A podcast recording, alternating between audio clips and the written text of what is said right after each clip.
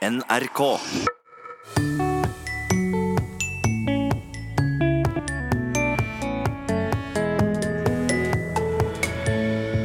Vi er et av verdens mest likestilte land, men er språket vårt fortsatt gammeldags og nedsettende mot kvinner? Da jeg begynte å se språket i kortene, og det gjør jeg jo, jeg er jo språkviter, så oppdaget jeg at språket er mye mindre likestilt enn jeg hadde trodd.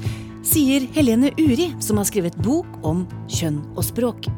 Og i Gudbrandsdalen snakker de om at mye er så luggent. Et artig ord for en innflytter, skriver en lytter. Men hva betyr det? Ja, for i Gudbrandsdalen der er det uh, hjelma luggumt. ja da. Vel møtt til Språkteigen.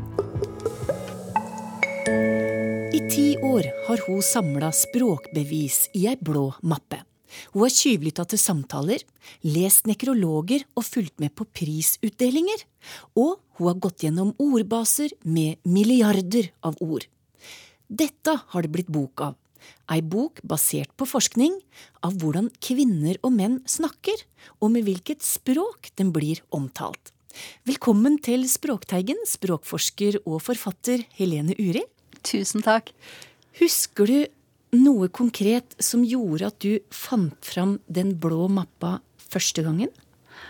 Jeg tror i hvert fall et av de første utklippene jeg har der, det er uh, artikkelen i Aftenposten om ny teatersjef på Nationaltheatret, og som uh, munner ut i spørsmålet 'Hva sier du om en kvinnelig sjef denne gangen?' Det er i hvert fall et ganske tidlig utklipp som jeg la i den blå mappen. Ja. Og hva har du i den blå mappa i dag, ti år etter? Ja, nå har jeg egentlig sluttet å legge ting i den blå mappen. Nå er det mer sånn at jeg tar eh, bilder med telefonen, og så legger jeg det, legger jeg det der. Ja, For tida har utvikla seg på ti år, sånn elektronisk sett. Ja. Men uansett, da, så ble dette starten på en eh, jobb med å kartlegge kjønn og språk. Og hvorfor en slik jobb? Mitt eh, prosjekt er jo å høyne bevisstheten rundt eh, språk og kjønn, rett og slett. Og jeg har et, også et mål om å more og underholde, fordi dette er jo, som jeg vet, jeg er jo mye rundt og snakker på bibliotek og leseforeninger, på skoler. Språk og kjønn er noe som man virkelig er interessert i. Både elever eh, og ja, eldre publikum. Mm. Ikke bare kulturkjerringene, men, eh, men publikummere av alle slag. Så jeg hadde veldig lyst til å få en oversikt, for det er så mange år siden vi har hatt det på norsk. Mm. Og hva vil du da trekke fram som en slags type tilstandsrapport? I 2018 i verdens mest likestilte land, eller muligens verdens nest mest likestilte land, så ble jeg overrasket over hvor store forskjeller det er mellom omtale av kvinner og menn i norske aviser, bøker, ja, i medier i det hele tatt. Som et av verdens mest likestilte land, så mener du at språket fortsatt avslører ulikhet? Språket er jo alltid gammeldags. Når vi eh, staver på den måten vi gjør, så er det jo fordi de gjenspeiler en uttale som vi hadde for mange hundre år siden i mange tilfeller. Så språket er jo alltid sånn at det, det, det drasser med seg en god del gammelt uh, stoff. Mm. Uh, og det gjør det er også når vi snakker om uh, kjønn. Sånn at språket vi bruker i dag, det gjenspeiler jo selvfølgelig patriarkalske strukturer i tidligere samfunn. Og det er jo ikke så veldig overraskende.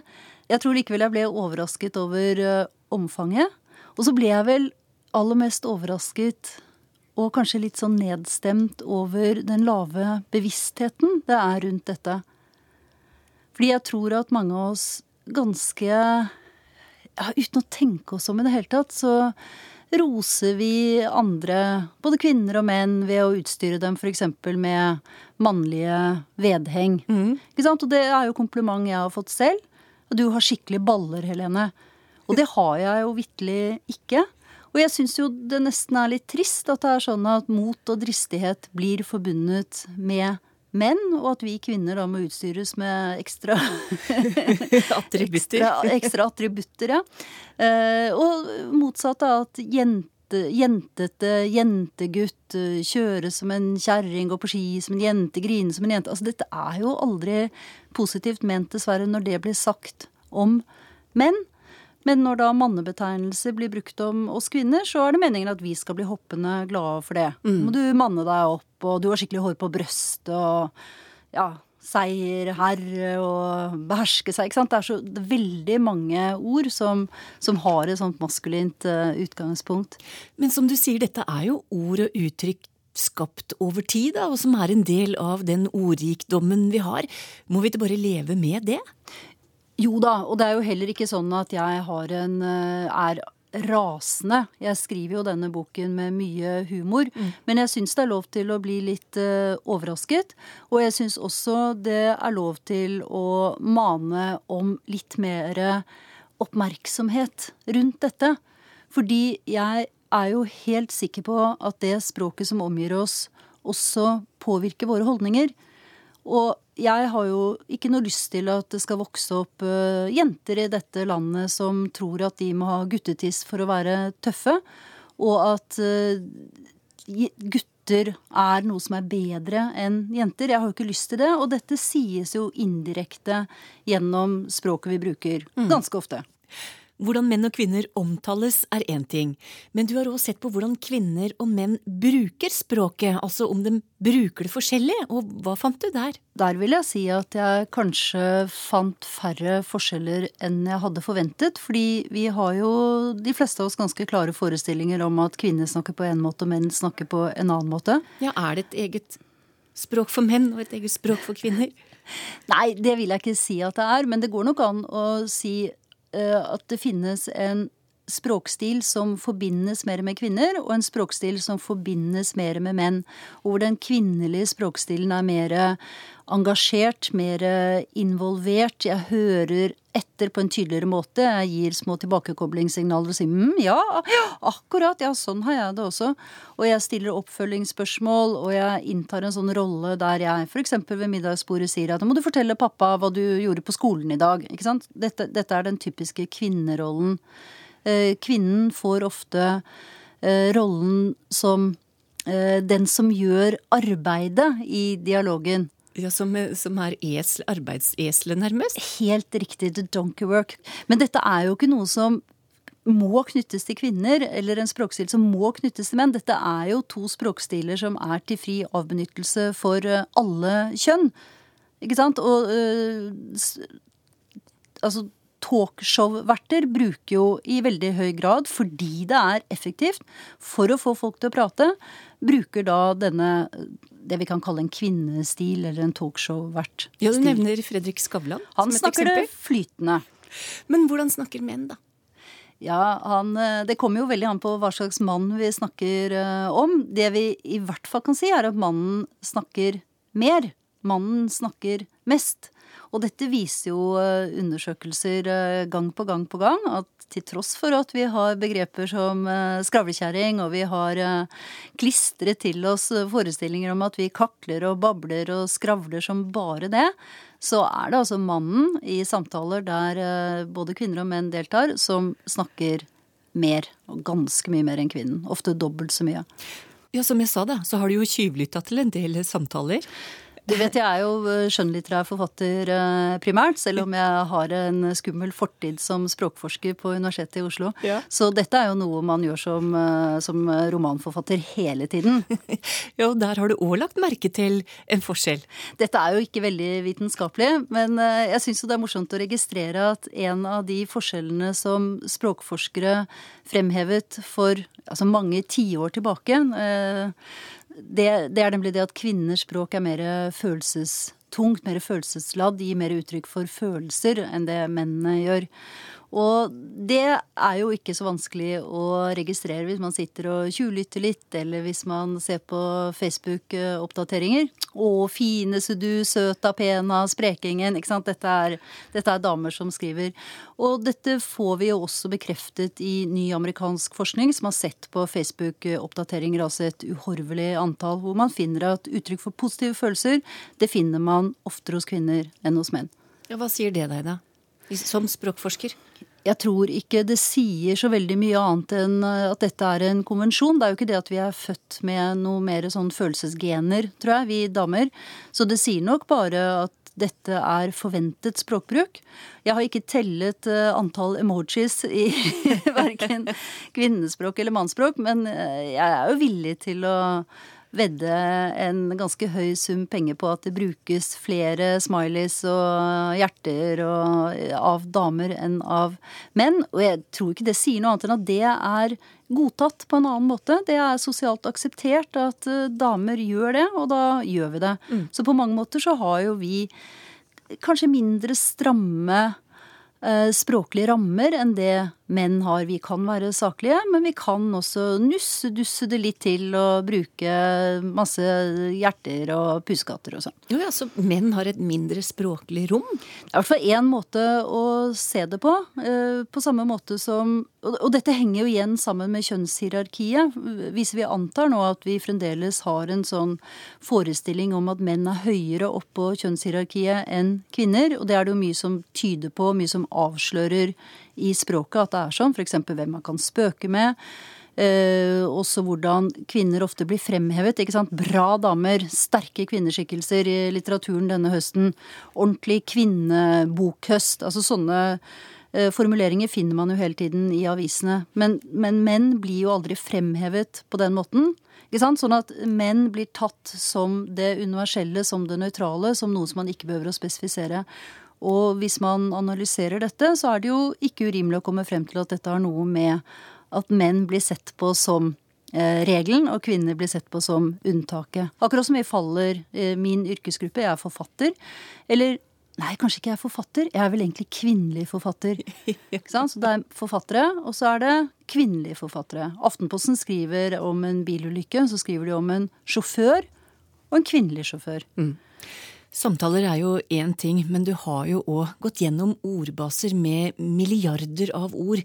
Hvor grundig har du gått til verks? Jeg har jo jobbet veldig mye med denne boken, og jeg hadde store problemer med å stoppe, fordi jeg syns dette var eh, enda mer interessant enn jeg trodde det skulle være. Det som er morsomt med disse store ordbasene, som man finner på Universitetet i Bergen og på Nasjonalbiblioteket, det er jo at man kan da avsløre mønstre som man ellers bare vil anta. Man vil forestille seg at ja, sånn er det. Men når man går gjennom disse basene, som da inneholder eh, milliarder av ord, så, så ser man jo ganske tydelige mønstre. Og i Nasjonalbibliotekets base, f.eks., så søkte jeg på pronomene han og hun. Og finner jo da at han er jo brukt ja, mange flere ganger enn hun opp igjennom. Og dette kommer, man jo, dette kommer man jo ikke unna.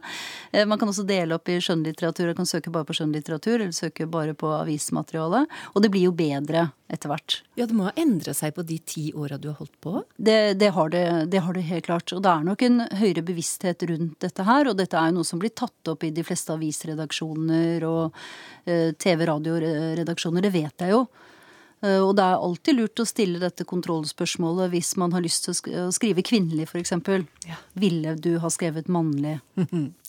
Det sa Helene Uri, som har skrevet boka Hvem sa hva?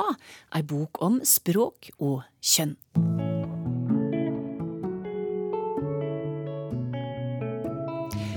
Språket er et lunefullt farvann å bevege seg i. En bokstav eller én lyd kan avgjøre om ordet kommer ut rett eller feil. Men blir det feil, så kan det likevel gi mening. Og noen ganger oppstår det et nytt ord med en ny mening, men som virker riktig i sammenhengen, og som mange derfor automatisk vil forstå og fortsette å bruke. Dette fenomenet har fått et eget navn på engelsk, nemlig eggcorns.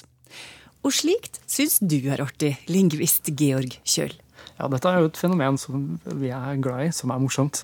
Men hva er eggkorn, utover å være et ord som inneholder egg og mais? Eggkorn er egentlig en uh, eikenøtt, eller en misforståelse da, av uh, det engelske ordet for uh, eikenøtt. Acorn. Og dette, dette, er en misforståelse som mange gjør. Så acorn har etablert seg etter hvert som en, ja, som en litt sånn parallell, mindre brukt fortsatt, men en parallell betegnelse til, til eikenøtt. Da. Og det gir jo egentlig ganske god mening når man ser på, ser på ordet. fordi Den er litt sånn eggeformet, denne eikenøtten. Og man kan jo tenke på det som relatert til korn. Selv om den bokstavelige oversettelsen av dette her på, på norsk ville vært eggemais. Men det, det, det, tenker man kanskje ikke så mye over da, når man, når man, når man snakker om dette. her. Og K og G er jo lyder som ligger tett opptil hverandre. og når det, går, når det går fort på engelsk og amerikansk engelsk, som denne misforståelsen egentlig stammer fra, så er det ikke så, det ikke så lett å høre forskjell på eggkorn og acorn. Før vi hører mer om hvordan sjølve faguttrykket oppsto, kan ikke du gi et par eksempler på det på engelsk? Ja, det er, en rekke eksempler på, på, engelsk. Hvis man snakker om at noe er next door, altså døren ved siden av, eller naboen, og isteden snakker om det som next door, altså den neste butikken, så er det et eksempel på en eggcorn. Så en out of body experience, en ut av kroppen-opplevelse, er ofte misforstått som en outer body experience, altså en ytre kroppsopplevelse, som virker å gi et signal om at man har litt sånn rar anatomisk forståelse av enten seg selv eller andre. Selv om man sikkert kan se for seg at det er, det er scenarioer hvor det der, det der, er en faktisk beskrivelse av et eller annet. Man snakker om TV som pay per view. Altså man kan betale for å se en boksekamp eller en fotballkamp. Men det er også ikke uvanlig å høre om folk snakke om pay per view. Altså å bytte ut betaling med papir isteden. Selv om det egentlig gir mindre mening, så, så, er det så små nyanser her at det er ikke så rart at disse eggcorns-fenomenene oppstår. Men så det er jo disse, disse eksemplene her da, hvor man tar en del, og så, og så, har man noe annet meningsfylt uh, i et ord i vokabularet sitt som man kan putte inn isteden. F.eks. man kan snakke om noe som vilkårlig, på engelsk som haphazard. Uh, men hvis man isteden snakker om det som half-hazard, fordi hap ikke er et spesielt vanlig ord, men half er mer vanlig, så, så ender man opp med halvfarlig isteden. Det er en ny mening, men, men uh, det man kanskje mente med det, var vel, var vel opprinnelig, og sånn sett er det en eggkorn. Og eggcorn oppsto som faguttrykk i en tidlig form for blogg blant språkforskere, ikke sant? Altså Selve begrepet ble først tatt som en term av et bloggkollektiv som holder til i USA, eller som har sin, sin base i USA på ulike universiteter. Det er språk, språkvitere, lingvister, som jobber bl.a. på Stanford. og observerte at dette, dette, fenomenet her det var jo ganske vanlig, og eggkorn kunne fungere som en veldig bra benevnelse på det. Så de skrev et par blogginnlegg om dette her, og så etter hvert så ble det masse interesse for det. Og i kommentarfeltene så, så begynte folk å komme med sine egne bidrag, ting de hadde hørt. Og så har det dannet seg en såkalt eggcorn database uh, som finnes på nettet i dag, da, hvor folk fortsatt sender inn uh, eksempler på, på, dette her til. Og forskerne som driver denne bloggen, bruker det litt sånn som et bra eksempel på uh, i fagformidlingen sin. Har du funnet eksempler på dette her i vårt språk? Ja, det fins mye av det. Altså denne tendensen eh, som, som, vi finner på engelsk, med at eh, låneord og fremmedord, ord fra egennavn som ikke er så kjente, og betegnelser man har fra andre domener enn de man er vant til, altså gjerne et sykdomsnavn som kommer fra latin f.eks., de ender gjerne ofte, ofte, opp i misforståelser. Eh, så på norsk har vi jo en eh, sykdom som kalles cøliaki, som har et eh, synonym i glutenintoleranse. Men den har også en eggkornvariant i glutenintoleranse, hvor gluten er byttet ut med allmenn kjent gjenstand fra husholdningen isteden. Asperger syndrom, som er en betegnelse for en tilstand innenfor autismespekteret, den har, blir ofte misforstått som asparges syndrom isteden. Fordi man, ja, man sender til matretten. Og type posttraumatisk stresslidelse, som er et sånt langt og vanskelig ord, både lydmessig og innholdsmessig, det kan ofte også omfortolkes til postdramatisk stresslidelse. Og det gir jo i og for seg mening, fordi et traume kan jo også være dramatisk, oppleves som dramatisk. Men det blir noe litt annet enn det som egentlig er ment. Men slike språklige forvekslinger er vel det vi på norsk kaller folkeetymologi? Ja, det stemmer. Det er en uh, betegnelse i uh, fagspråket som har blitt brukt til å beskrive dette fenomenet. Og man snakker ofte om sånne typer forvekslinger da, som, uh, som folkeetymologi. Altså at man endrer en del av et ord under påvirkning fra noe annet, og så får man et nytt resultat. Men det har vært brukt om litt forskjellige ting. og det beskriver noe som kanskje er litt videre enn det vi snakker om på engelsk som, som enkorn. Og det, dette kan også brukes til å omtale ord som man sier sier. Og så høres det helt likt ut som det opprinnelige, men så har man kanskje feiltolket litt hvor det kommer fra. Så hvis man tenker at høysnue handler om høy, altså tørket gress, så stemmer ikke det. Det kommer av altså, det er et synonym for storsnue, da. så det handler om rett og slett adjektivet høy. Og det vil man aldri oppdage, med mindre man begynner å spørre og undersøke hva, ja, men hvor tror du det kommer fra. Eh, og så finner man ut at man har med en folkeetymologi å gjøre. Men eh, det vil ikke passe under definisjonen av det vi har snakket om som eggkorn, fordi det høres eh, helt likt ut. Så vi har ikke noe eget ord for akkurat det spesifikke engelske eggkorn? Men det er jo relativt smalt, da, så, så det er jo ikke uventet at vi ikke finner noe tilsvarende uttrykk på norsk. Det sa lingvist Georg Kjøll om det særegne fenomenet eggcorns, og det var et gjenhør fra september i fjor.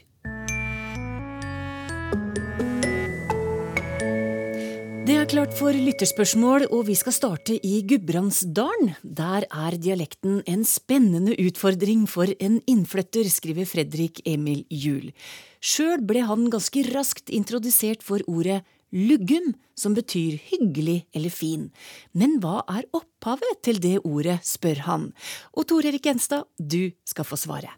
Ja, eh, det var et eh, godt ord, det der. Eh, du ser kanskje litt mer at det kommer fram klårere opphavet når vi ser på den svenske parallellen. Ja. Lagom har du på svensk, vet du. Mm -hmm. og, og, og det betyr jo Eh, passende, høvelig, gunstig eh, og hyggelig, trivelig og laglig. Så lugum det er egentlig en dativ flertall av lag, og med vokalutjamning her, da. Og det er da lag i betydning passelig mål eller måte, som oss har i f.eks. å gjøre noen til laks. Ja. Om lag sånn cirka. Så på lag i minste laget, uh, har du. Og den vil finne det i ordbøker, da, enten under lagom eller lugom. Og i bokmålsordboka så vil du òg få tilslag på lugum. L-u-g-u-m med én G, da. Ja. Uh, og det er ikke bare Gudbrandsdalen som har tatt ta der. Vet det går ganske vidt i norske dialekter i forskjellige former. Uh, der jeg kommer fra, der sa de løgum. At det var løgumt. Og det er akkurat samme betydninga. Mm. Og når vi først er i Gudbrandsdalen, så kan vi jo ta med et annet ord som det blir spurt om derfra. Det er adverbet hjelma. Ja, for, ja. ja, for i Gudbrandsdala der er det uh, hjelma lugumt. ja, ikke sant? ja da. Uh, og uh, ja, der har du en forsterker som er typisk for gudbrandsdalsmål. Hjelma, altså ren forsterkning. Nevnt her en hjelma god leik. Ja. Altså, det er en svært god leik, eller slått, da. Uh, og det kommer nok av et substantiv hjelm. Og hjelm det, her er det vel ikke den hjelmen som du kan ha på hodet når du kjører motorsykkel, eller noe slikt, men det er et ord hjelm som betyr utsjåna eller oppsyn. Oh, ja. Og jeg kjenner det for så vidt ifra min barndomsdialekt. Det kunne hett f.eks. at en har en hjelm av noe far sin. Altså at den ligna litt på, du, du kunne kjenne igjen trekk. Og så har det her hjelm kommet til å bety noe fråstetende, noe litt uhyggelig. En kald hjelm. Sto en kald hjelm av Og det her er utgangspunktet for det her hjelma, som fra først av har betydd stygg eller nifs. Og så blir det nøytralisert, slik at det blir en allmenn forsterker, og det er jo den utviklinga som skjer så, i så mange ord. Så det kan bli eh, Det kan være fryktelig pent og styggelig vakkert og, og kjølig varmt for den del. Ja, Og når du sier hjelma luggumt, så blir det jo bare trivelig? Ja, det blir jo det. Det er jo det. Så det har avbleika den eh, opprinnelige betydninga. Helt vanlig utvikling, det der. Ja. Og det var Johan Vaa som spurte om det her med hjelma, og han nevnte da at en telemarking da ville sagt en dugelig god slått, der en gudbrandsdøl sier en hjelma god leik. Men musikk blir det uansett. Er det bare innbilning, eller blir ordet ivarlaust brukt i Norge, spør Anne Katrine Settem.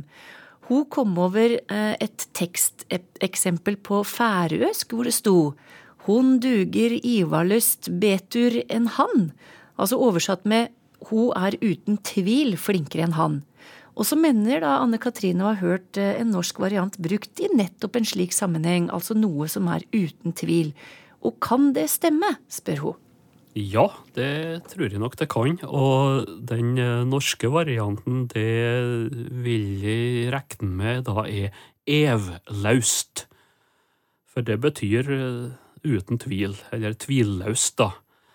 Og det ev her, det er et gammelt ord som betyr nettopp tvil eller usikkerhet, og det går tilbake til norrønt. Og det her med evløst, det er nok Eh, typisk tradisjonelt nynorskord, da. I litt eldre nynorsklitteratur så vil det dukke opp, men det har nok òg et visst målførergrunnlag. Og det som er artig med det her ev, da, eh, det er at det er i slekt med den engelske konjunksjonen if. Oh. Dersom. Ja. Det er slektskap der, og norrønt har altså ev. Du finner det som ef, da i normalisert uh, norrøn ortografi uh, som konjunksjon. Og det her substantivet ev, uh, som betyr tvil, da, det er i nær slekt. Hmm. Så det er nok felles germansk arv, det her, som kommer igjen i ev er lik tvil, og evlaust uten tvil. Kan det da være en dialektvariant med ava? For jeg, hørt, tror jeg har hørt eh, avaløst. Uh, ja, det spørs. Uh, du har iallfall et dialektord, og det tror jeg også hatt i Språkteigen, der å, å være i aven. Mm. Altså være i tvil, vega att og fram. Men når det kommer på det her indre Østlandet, så skal han passe på litt det her med ava, for det kan være en variant av age. Oh, ja. Frykt, respekt. Så han skal være litt obs der. Hanne Kolstø spør om et ord hun brukte da hun vokste opp i Sykkylven på Sunnmøre, nemlig ordet jue, som de brukte da de lekte sisten. Da skriver hun at vi hadde et område som var jue, det vil Si et friområde. Og hvor kommer dette ordet jue fra, spør hun. Ja, eh, det der er nå et artig ord, og det ser ut for å være helt lokalt for Sunnmøre, det her om jue altså friområdet i leik uh, som sisten. Uh, det kan hete for eksempel 'du kan ikke ta meg på juene'. Mm. Å stå på jue, altså et slikt avgrensa område der du ikke kan takast. Sprenge jue, også nevnt som leik fra Sunnmøre. Men hva det egentlig er, det her, det er ikke så godt å si. Du har et ord Juve, som er registrert i betydning søkk eller lignende. Men det er helt nede i Vest-Agder. Men hvis det er slik, så kan det jo være slektskap med uh, det ordet juv, som vi kjenner da. Det er noe uh, mye mer markert terrengformasjon, mm. men kanskje slektskap. Ordet juv i seg sjøl, det, det, har et uklart opphav, det. Så hvis det her eh, jua, jue da, om friområdet, hvis det opprinnelig har vært ei grop som de har bruka til friområdet, så kan jo det være ei mulig forklaring. Men uh, det er langt ifra sikkert, det her. Men lokalt ord uh, fra Sunnmøre. Ja, og det var det siste ordet vi rakk i dag, det. Takk til deg, Tor Erik Gjenstad. Språkteigen er slutt. Vi høres om ei uke. Ha det bra.